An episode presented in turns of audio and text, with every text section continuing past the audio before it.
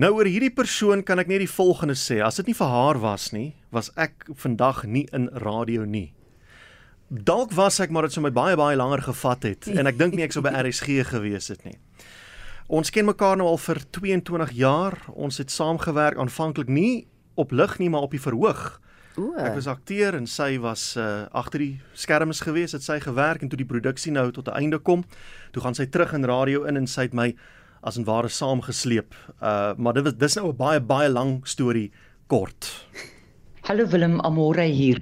Ek het drama gaan studeer. Ek wou 'n aktrise word. Ek het nooit daaraan gedink om radio te doen nie. Maar my drome vir toneelspelle toe nie uitgewerk nie en ek het toe oor die wêreld gaan toer. Ek was in my vroeë 20's en ek het teruggekom. Dit is toe sê maar so 1988. My ouers het toe intussen van Durbanville af na die destydse Port Elizabeth toe getrek.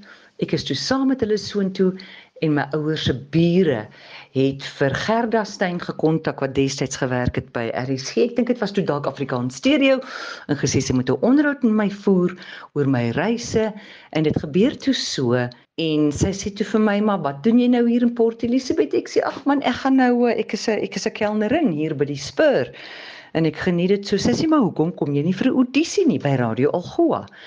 En toe gelukkig gaan ek toe vir 'n audisie en ek kry toe 'n pos en toe ek daar begin by Radio Algoa met 'n skof Woensdae aande en Sondae middag. Maar my droom was altyd om by RSG uit te kom en eers 14 jaar daarna het ek by RSG geland. En weet jy, ek voel so bevoorreg en ek het ek het elke dag het ek nog skoenlappers in my maag as ek uitsaai. Sy wat Amore is, is in hierdie stemnota ook lang storie kort want sy het intussen baie ander draaie gemaak. En een daarvan is, jy weet, uh KFM, KFM Ja, in Kaapstad. Uh, Sy is een van die stigterslede. Nee. Ja, sy- ek, ek weet sy daar gewerk, maar nie een van die stigterslede nie. Sy het die stasie begin saam met Clive Ridgway. Dit het bekend gestaan as Radio Kontry wat toe later as KFM bekend gestaan het waar sy toe ook dan gewerk het. En jy weet as jy vandag in 'n winkel instap, omtrent elke winkel het wat hulle noem 'n in-house radiostasie, Ja. Clicks en Spur. En as jy in Ackermans instap, is Ackermans daar 'n radiostasie en in Pick n Pay, sy het Pick n Pay sin begin. Hulle het dit Nee. destyds Fresh FM genoem wat tussentyd nou toe Pick n Pay radio geword het. Maar uh, dit was haar idee gewees.